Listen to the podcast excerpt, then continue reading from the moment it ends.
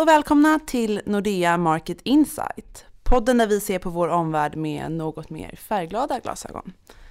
Mitt namn är Victoria Olsen och med mig idag har jag valutastrategerna Martin Enlund och Henrik Gunell. Goddagens. Hej, hej.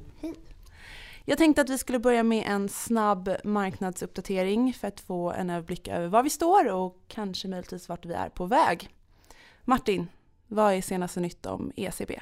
Ett hav av nytryckta pengar. Så långt ögat kan se så väller det fram eurosedlar från Frankfurts höga torn. Ehm, det här jag säger är att ECBs penningtryckarprogram fortgår förmodligen även hela 2018. Det är det senaste beskedet från Draghi och Nordeas prognos. Eh, Draghi har med andra ord gjort det rätt svårt för marknaden att hetsa upp sig kring möjliga räntehöjningar. Eh, så sent som i somras så var det vissa som trodde att ECB skulle kunna höja räntan kanske tidigt nästa år. Och det har man nu verkligen tvingats skjuta långt in i framtiden, kanske mot sommaren 2019. Eh, det här är en av anledningarna till att dollarn har stärkts en hel del på sistone mot den svenska kronan, kan man notera. Och apropå dollar, hur står det till med Fed egentligen? Precis, de gör inte som ECB. De skickar fortfarande signalen om att eh, deras höjningsplaner, de är intakta. De utnyttjar det här tillfället i global ekonomi som eh, är, är väldigt, väldigt bra. Och den amerikanska arbetslösheten den fortsätter falla och tillväxten överraskar positivt och som sagt var Fed tänker sig nog höja fram tills dess att marknaden reagerar. För det är klart att höjda räntor går på något sätt i konflikt med tillgångspriser. Men så länge marknaden inte imploderar, så länge marknaden inte kommunicerar att, att, den, att de tycker att Fed ska lugna ner sig så tror jag att Janet Yellen och Fed planerar att fortsätta höja räntan. Och här hemma på eh, svensk arena, Kronan och Riksbanken? Riksbanken kan vi ta först kanske. Och då kan man säga att där kom det ett protokoll som visar vad Riksbanken pratar om i sina möten. Och det här protokollet avslöjade faktiskt lite mer bostadsmarknadsoro än vad man hade kunnat tro. De flesta centralbanker ser ju aldrig några problem med någonting utan allt är bara fantastiskt och ska fortsätta bli ännu bättre alltid. Um, vän av ordning skulle påtala att lite av, del, lite av idén med centralbanker är att de ska ägna sig åt fake news. Det gör dock inte Riksbanken utan nu i senaste protokollet så var man lite orolig för att bostadsmarknadsinbromsningen, bra svenskt ord där, kanske ska kunna ge lite konjunktureffekter som är negativa. Um, det är lite förvånande att, att de ser orosmoln. Samtidigt sett så fanns det i det här protokollet att läsa att Per Jansson, som ibland kallas kronprinsen på Riksbanken, han var ganska ensam i sina propåer om att Riksbanken minsann ska trycka nya pengar precis som ECB även nästa år. Eh, och det här gör ju att vissa av oss börjar fundera lite på att Riksbanken kanske har tröttnat på att vara ECBs blindtarm och de kanske ska sluta vara det, i alla fall i någon utsträckning eh, senare i år. Men kan vi prata om det här? Kan vi prata om det faktum att, att ECB och Riksbanken har så pass olika prognoser om hur lång tid de ska hålla på och trycka pengar? Ja, det kan vi prata om. Är det ens realistiskt att eh, Riksbanken slutar ja, det, innan det, ECB? Det är ju fel från första början att, ECB, eller att Riksbanken säger att ECB eller att Riksbanken är en utväxt av, av ECB. Det, det går inte att jämföra sig på en viktig punkt till exempel. Eh, svensk ekonomi och europeisk ekonomi har knappt några beröringspunkter mer än att det är vår bakgård. Ja visst, fine, jag köper det. Det är vår exportmarknad. Eh, jada jada, men man måste ändå tänka på att under åtta års tid så har man genomlidit en balansräkningsrecession och kreditvolymer och så vidare har fallit i Euroland och det motsatta har ägt rum i Sverige. Här har kreditvolymerna stigit åt, eh, åt nya, nya höjder och fastighetspriser lika så. Att man då hakar på en centralbank som ECB med minus 40 punkter i depositränta och, och där man köper statsobligationer motsvarande 60 miljarder euro per månad. Det är ju vansinne för den typen av politik har ju som sagt var drivit eh, de obalanserna som vi har i Sverige ännu högre. Så jämförelsen från början, det som, det som Riksbanken borde ha gjort, de borde ha konstaterat att nej, men vi är mer lika amerikansk ekonomi. Där har vi ungefär haft samma tillväxt sedan krisen började. Vi har ungefär samma inflationsnivå. Där har vi en hälsosammare ekonomi. Vi borde nog ha en styrränta mer i linje med Fed eller kanske, vad vet jag, mittemellan ECB och Fed. Men det har man inte gjort. Så Riksbanken har tagit rygg på fel centralbank. Och det är precis det vi ser i, i kronans svaga växelkurs. Och då ska jag försvara Riksbanken lite genom att säga Nej. att de har valt att vara inflationsmålstalibaner. Eh, och är man en inflationsmålstaliban så Ja, det säger ju lite vad ens, ens politik handlar om. Inflationen till två bums är väl essensen. Och jämfört med ECB så har faktiskt Riksbanken haft mycket, mycket större förtroendeproblem med sitt inflationsmål. I alla fall enligt vissa löneförväntningar och inflationsförväntningar där ute. Så jag, jag, tycker som vanligt att man ska skjuta på Riksbankens mandat mer än man skjuter på själva Riksbanken självt. Um... Men låt mig säga så här då. Och det, jag och Martin är inte riktigt ense om, om vems eh, felet är. Men det som är intressant är ändå att om man nu gör jämförelser mellan ECB, Fed och till exempel Riksbanken så kan man ju konstatera att Fed höjer trots att inflationen inte ens är i närheten av deras inflationsmål på 2% Så att även om Riksbanken och Fed har samma inflationsmål så tolkar man det olika. Och det är just det där att Riksbanken brukar hänvisa till riksbankslagen och, och, och deras mandat och säger att vi har inget annat val än att göra det vi gör så länge inflations förväntningarna och så vidare ligger under 2% och så länge inflationen inte på varaktigt sätt ser ut att stabiliseras över 2 ja men då måste vi på autopilot eh, bedriva någon form av ackommoderande penningpolitik. Men det är, det är en helt felaktig slutsats från deras sida och i min värld nu med tanke på hur upptryckta tillgångspriser är som ett resultat av de låga räntorna så utnyttjar just, precis som jag sa tidigare, Fed det här tillfället att höja räntan eh, till en, no, någon form av, av nivå som man sedan kan agera oh, utifrån den dagen då eh, vi får någon form av lågkonjunktur tillbaka igen. Jag tycker man kan lägga till här för att förstå lite Riksbankens eh, aparta eh, agerande, skulle vissa säga, Henrik till exempel. Att den här centralbanken har inget självförtroende. Eh, till skillnad från Fed som har lite mer självförtroende och det hänger väl ihop med att Fed har funnits i ungefär 100 år och de har en annan måluppfyllnad över tiden. Fed har också annat mandat. Men det är ganska intressant att Riksbanken har så otroligt dåligt självförtroende. Och vissa skulle nog säga att de bör ha dåligt självförtroende. Eh, frågan är bara hur stort, hur dåligt självförtroende bör de ha? Och om de skulle välja att eh, om, det kanske man inte kan välja, men om man skulle ha lite mindre dåligt självförtroende från Riksbanken Då skulle det öppna för att man lägger sig lite mer mellan Fed och ECB Att man börjar våga ta lite risker eh, Och det kanske man kommer göra nu i december om man inte fortsätter med det här QE-programmet man har just nu, penningtryckarprogrammet alltså då skulle det kunna vara ett litet, litet steg mot att man börjar positionera sig från Riksbankens sida mellan Fed och ECB helt enkelt.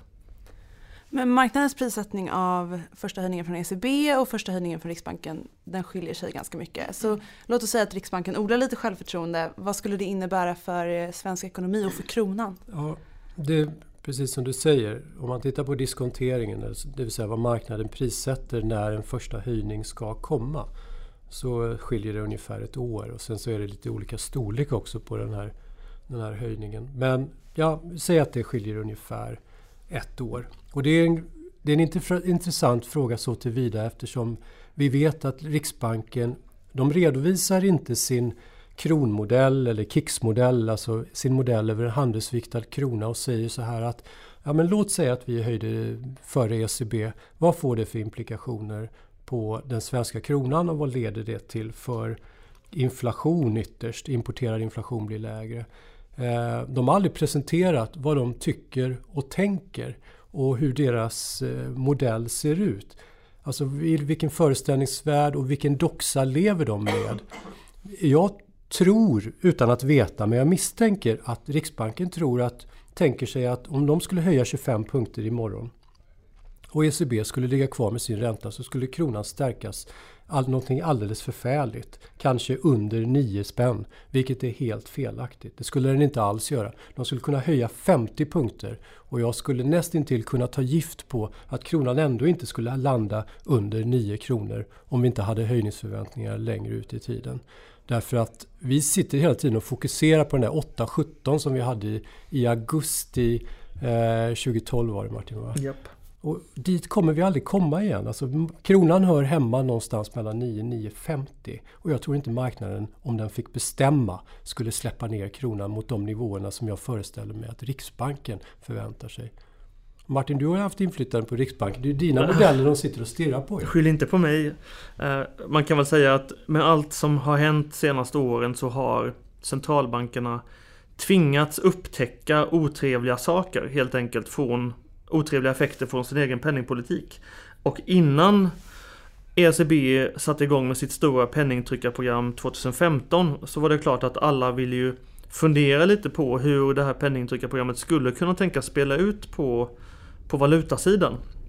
Och där var ju väl jag då kanske lite påhejande i att skapa olika mardrömsscenarion som Um, ja, som, som, som skulle kunna peka på att kronan skulle kunna stärkts någonting förskräckligt. Och det är just den här osäkerheten om hur världen faktiskt funkar som, som är en viktig anledning till att centralbanker av idag, Riksbanken i synnerhet, de har inget självförtroende. Och som sagt, de på sätt och vis ska inte ha något självförtroende med tanke på hur många eh, problem och eh, hur överraskade så många har blivit hela tiden. Um, så allting handlar på något sätt om riskbilder. Ja. Skulle jag säga. Och jag tror inte heller att kronan behöver stärkas sådär jättemycket. Speciellt inte av ett slut på ett QE-program. Det kanske kan ge ett par procent eh, på kron, kronstyrkan. Så länge som marknadens förväntningar på höjningar inte tar fart. Men det där går ju eh, att ordna med olika typer av räntevägledning.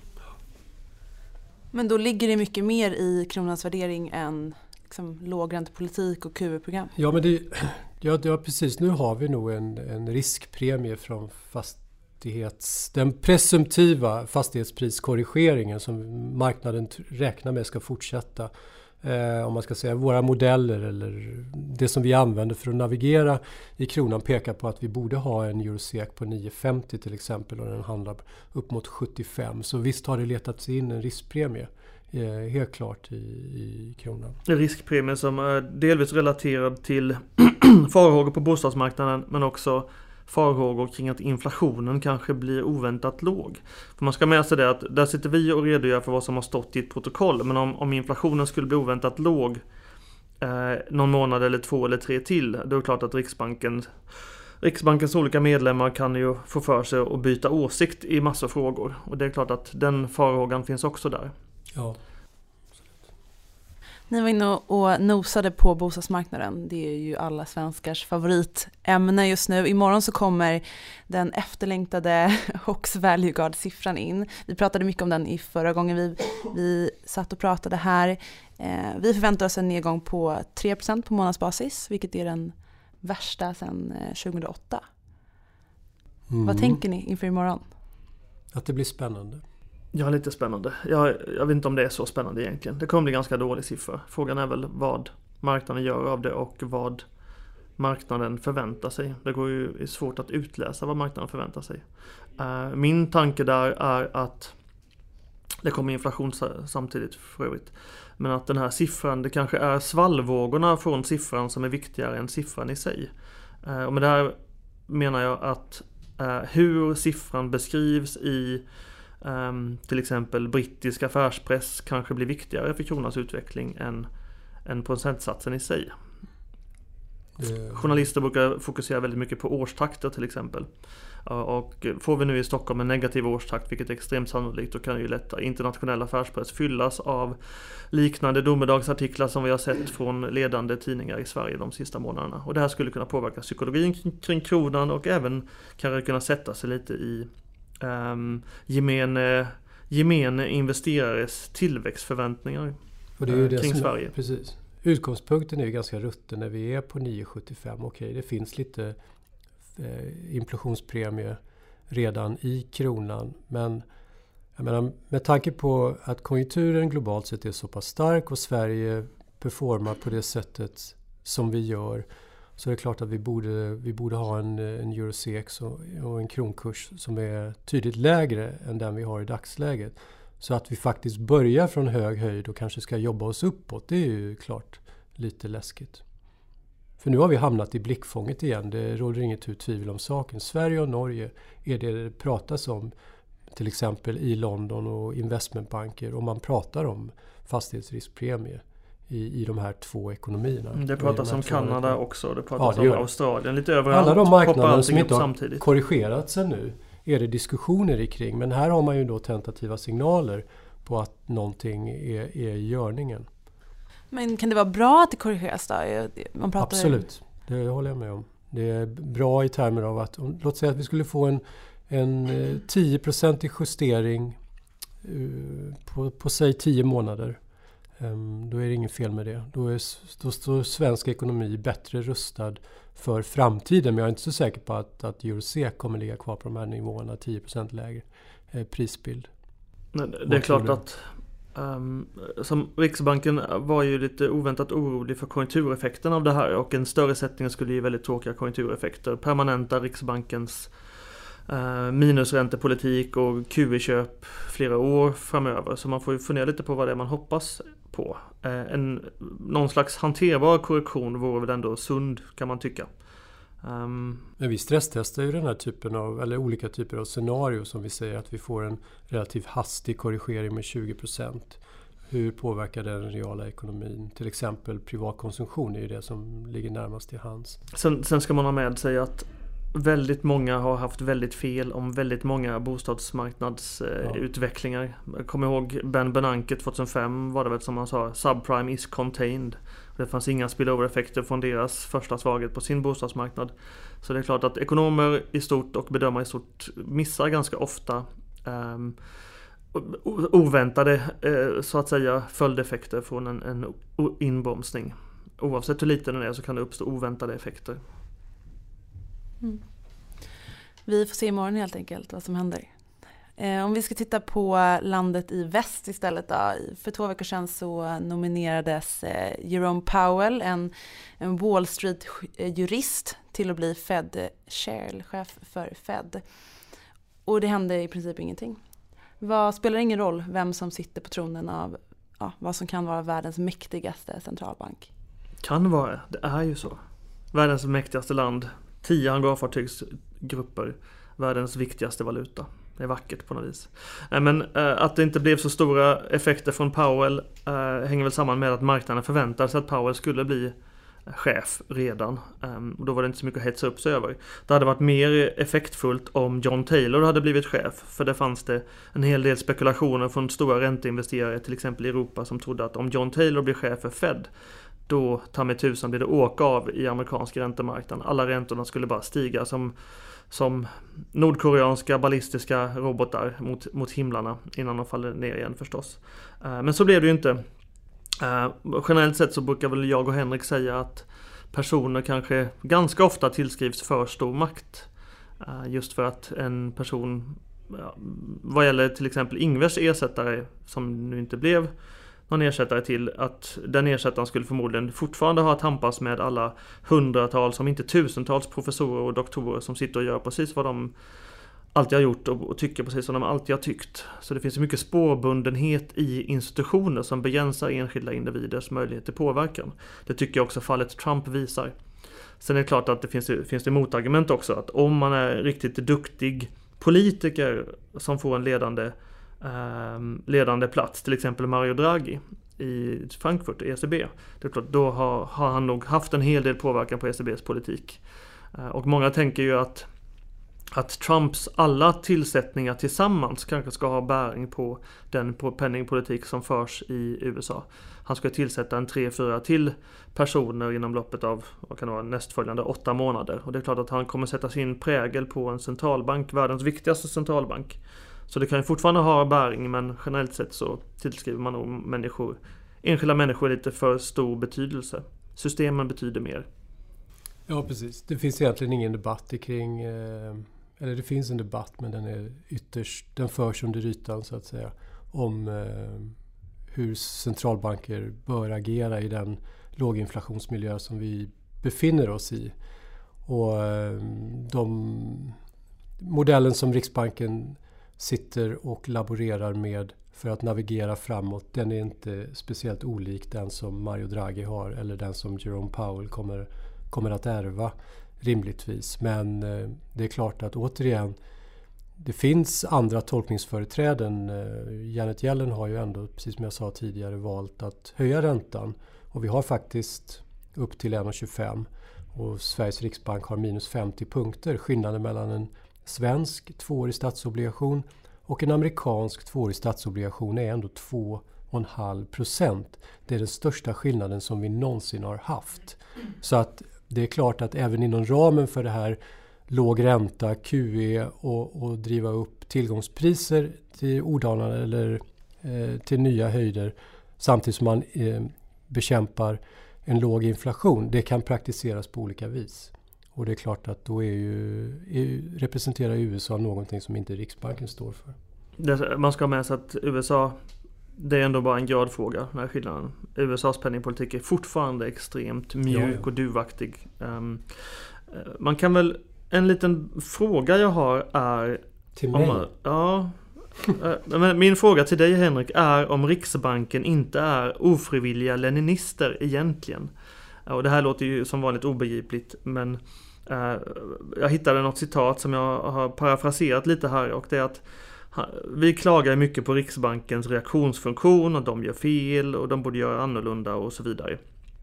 Och Lenin sade att det enda ärliga hoppet om en bättre framtid, vilket vi alla vill ha rimligtvis, det ligger i att utveckla de interna motsättningarna i det rådande synsättet. Så min fråga är om inte det är det här Riksbanken egentligen gör, ofrivilligt då förstås. Eh, om paradigmet är inflationsmålspolitiken eh, så bidrar ju minusräntor och QE-program till de här tillgångsprisbubblorna vilket då exponerar och förstärker de här interna motsättningarna som Lenin pratade om på annat, inte just i inflationsmålspolitiken förvisso. Men om man då bara för den här politiken tillräckligt extremt då kommer det ju bli någon slags omvandlingstryck som gör att man, skruvar, man, man, att man byter paradigm helt enkelt. Från det här inflationsmålsparadigmet och eh, Fiat-valutaparadigmet till någonting annat. Ja, det är klart att vad tror du vad skulle hända om det visar sig att vi nu eh, står inför en, en riktig korrigering i fastighetspriser? Och eh, sådana som jag kommer ju skriva att hur kunde man sätta inflationsmålet framför finansiell stabilitet? Eh, helt fel avvägning. Jag gissar att Riksbanken kommer få det ganska hett om öronen i den typen av debatt skulle det här, eh, skulle det här hända.